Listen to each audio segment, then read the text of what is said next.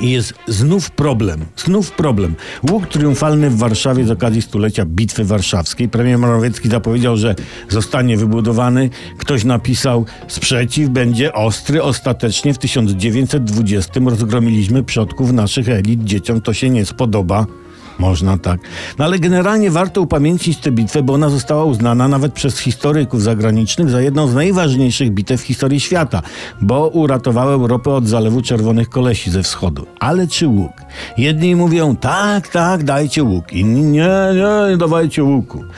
No, można zamiast łuku wybudować w Warszawie, nie wiem, piramidę egipską, tylko polską, większą. Też będzie ładnie.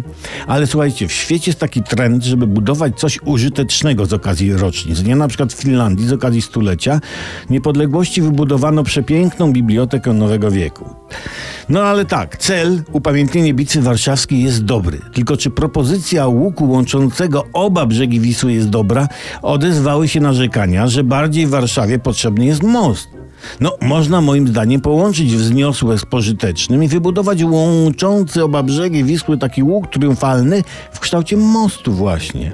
Albo szpital taki w Warszawie, gdzie będzie się leczyć rzadkie choroby, bo teraz na przykład rodzice dzieci cierpiących na takie choroby to muszą po internetach zbierać kasę na leczenie za granicą. Rozumiecie o co chodzi, nie?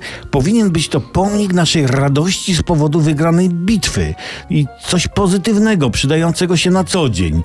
Coś, co powie, zwyciężyliśmy i czerpiemy z tego zwycięstwa radość i pożytek.